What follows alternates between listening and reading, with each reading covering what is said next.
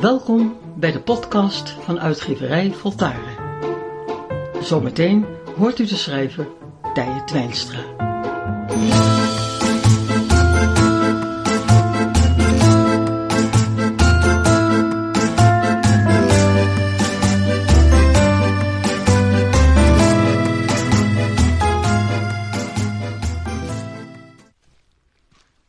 Waar zullen we het over hebben?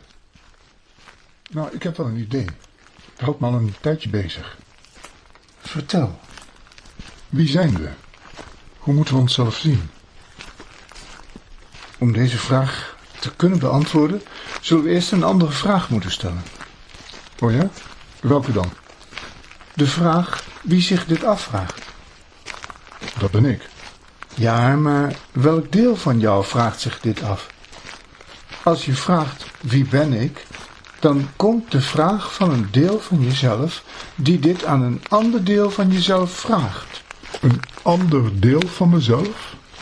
Ja, je stelt die vraag aan iemand. Nu aan mij, maar deze vraag heb je in gedachten al eerder gesteld. Toch?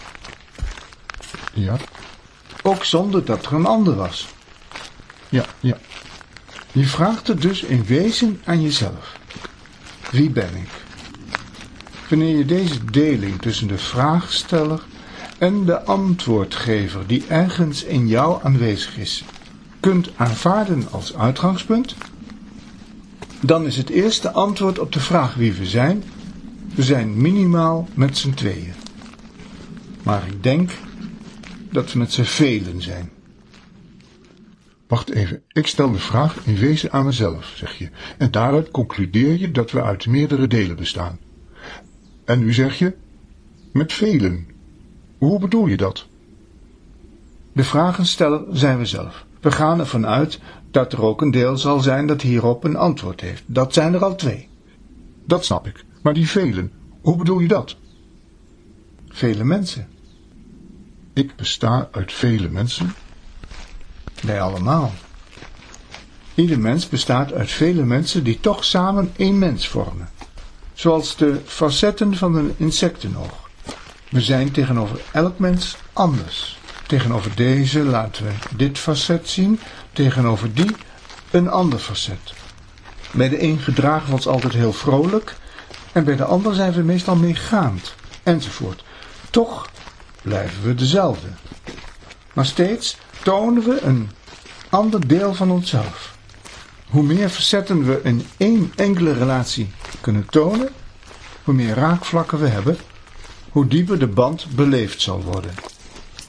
In die zin bestaat ieder individu uit vele mensen.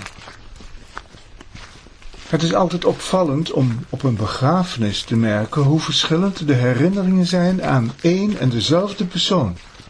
Vaak zijn die van anderen zo anders dan je eigen ervaringen. En dan denk je over wie hebben ze het? Die man of vrouw heb ik nooit meegemaakt. Dan wordt duidelijk dat iedereen een ander facet van de overledene heeft ervaren. Hij was altijd zo grappig en zo behulpzaam, wordt er bijvoorbeeld gezegd. En jij hebt alleen de mopperende en de hoogmoedige kant leren. Dat klopt, ja. Maar wat betekent dit? Wat zegt dat over ons? Zijn we dan alleen maar een allegaartje van reacties op anderen? Ik denk dat iedere relatie een ander facet in ons activeert. Dankzij deze verschillende relaties en bijbehorende reacties kunnen we onszelf leren kennen. Hoe dan? Omdat er weer een ander deel in ons opmerkt hoe we ons dan uiten. Ik noem dit waarnemende deel in ons de getuige. Getuige? Ja, dat deel in ons dat ons noteert, bijhoudt bij wijze van spreken, zodat we ons kunnen ontwikkelen. Doordat we met anderen omgaan, uiten we ons. We praten, lachen, maken ruzie, stellen ons aan, noem maar op. De getuige in ons hoort ons praten, ziet ons doen, voelt ons reageren. Kortom, registreert ons in onze relaties met anderen. Dankzij dit vermogen in ons kunnen we over onszelf gaan nadenken. Kunnen we leren onszelf te ontwikkelen. We bestaan dus uit vele facetten. Elke ander activeert een ander facet. En we houden onze relaties bij. We leren ervan. Ja, ja, zo is het. Dan is nu mijn vraag, wie is dan de belangrijkste in ons? Dat is de getuige. Ook wel ons geweten genoemd.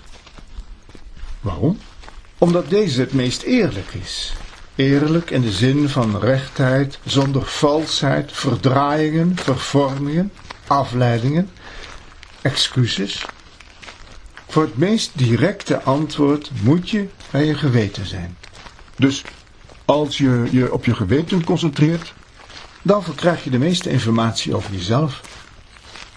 Maar dat is ook meteen het moeilijkste. Waarom denk je dat?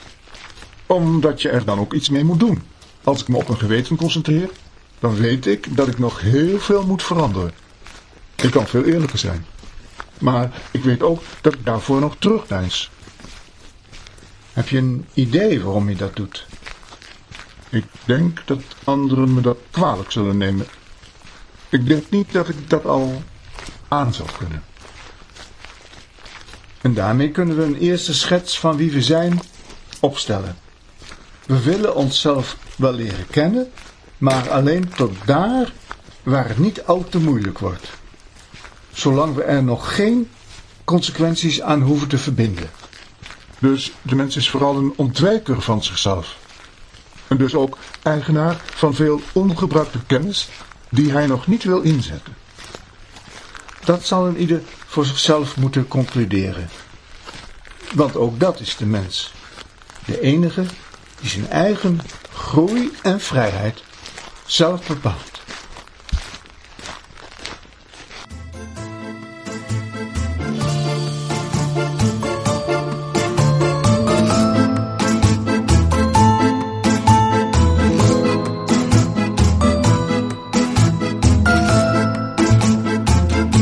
Ga je goed en al maar beter.